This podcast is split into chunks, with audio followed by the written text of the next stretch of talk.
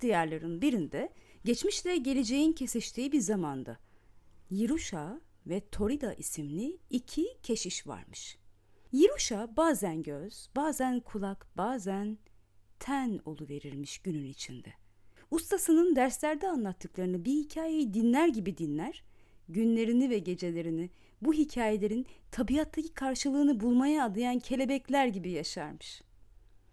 Yiruşa her an her yerde karşısına çıkabilirmiş insanların. Görenin içine neşe, umut ekermiş bakışlarını eşlik eden baldan tatlı sözleriyle. Onun çalışma masası yollar, ağaçların gölgeleri, dere kenarları, kuşların kanatları ve nereye varacağı belli olmayan upuzun yollarmış. Bazen haftalarca ortadan kaybolur, sonra bir anda sınıftaki minderinde beliriverirmiş. Torida ise derslerini aksatmadan sürdüren, pratiklerini harfiyen yerine getiren, ödevlerini düzenli yapan, notlarını devamlı gözden geçiren ve öğretmeninden öğrendiklerini hayata geçirip geçiremediğini sınayarak günlerini geçirirmiş. İçinden çıkılmaz sorusu olan kim varsa Torida'yı bulur, onun yanıtlarında ülkenin en büyük kütüphanesinde olduğunu hissedermiş. Konuşurken Torida kelimelerini özenle seçer, vereceği yanıtı sadelikle ifade edermiş. Torida'ya bir soruyla gelen, cebinde seçeneklerle ve yüreğindeki güçlü kararlılıkla onun yanından ayrılırmış.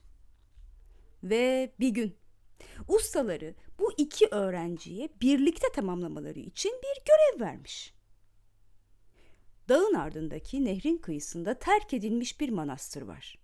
Manastırın çevresinde renkli binbir çiçek göreceksiniz.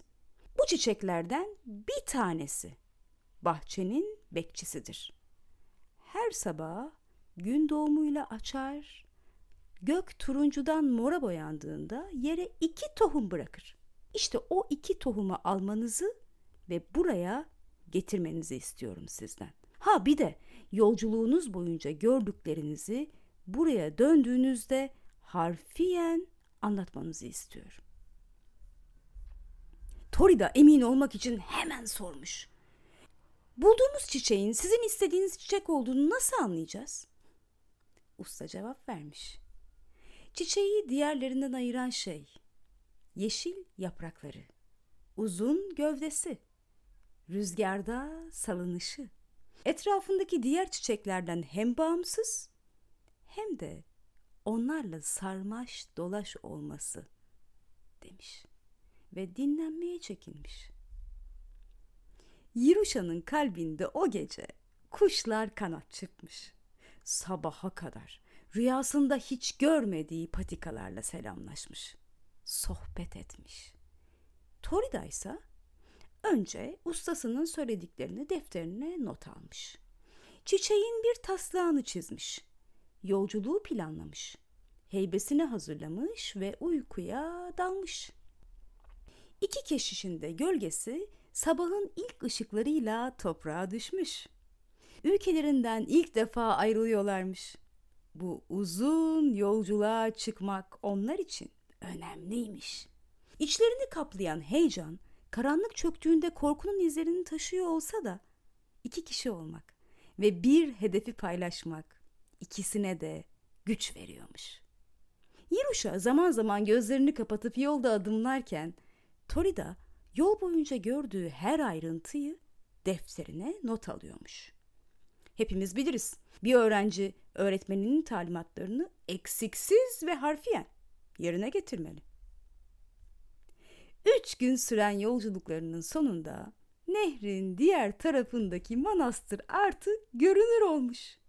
Sularında güneşin yüzdüğü nehrin ne başlangıcı ne de görünen bir bitişi varmış. Güneş taşlar arasında süzülüyor, suyla birleşip kendi dansını sunuyormuş. Keşişlerin suyla sohbetini bir kadının hıçkırıkları bozmuş.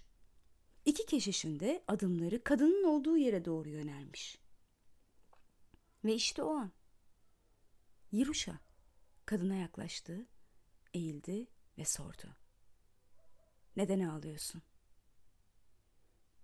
yüzme bilmediği için nehri geçemediğini gözyaşlarıyla anlatan kadının yuvasına duyduğu özlem Yiruşa'nın kalbinin derinliklerinde karşılık bulmuş. Kadına eğer isterse onun nehrin diğer tarafına kucağında geçirebileceğini teklif etmiş. Kadının gözlerinde alemlerden alemlere kapılar açılmış o an ve nehri birlikte geçmişler. Kadın kendi yoluna, Yiruşa ve Torida ise manastıra doğru ilerlemeye başlamış. Yiruşa'nın manastıra giden yolda kalbi yerinden çıkacak gibi ama sakinlikle atıyormuş. Dünyanın tenine dokunduğu için şükran doluymuş. Torida ise onun için bir adım atmak dünyanın en zorlu işi haline gelmiş. Sanki her bir bacağına dünyanın bütün yükü bağlanmış gibiymiş. Adımları kaya gibi sert, avuçları ise sımsıkıymış Torida'nın. Zorlukla attığı 5-6 adımın ardından bir de Yiruşa'nın halinden memnun olduğunu fark ettiğinde ah işte o an göğsüne son külçe de inmiş. Manastırın kapısında, bahçe kapısının önünde. Torida'nın bakışları zehirli bir ok gibi Yiruşa'ya yönelmiş. Kelimeleri ise dağdan kopan bir çığ gibi dökülmüş dilinden. Sen, sen var ya öğrendiğimiz bütün bilgiyi, verdiğimiz, ettiğimiz bütün yeminleri yerle bir ettin Yiruşa. Nasıl yaparsın bunu? O kadını kucağına aldın ve ıslak bedenini nehir boyunca utanmadan taşıdın.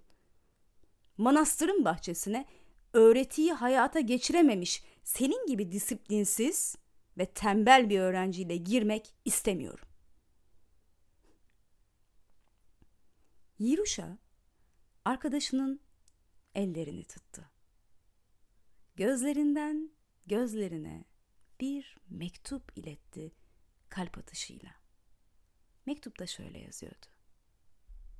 Sevgili yol arkadaşım.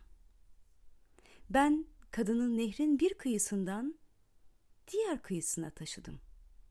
Sense onu hala kucağında taşıyorsun.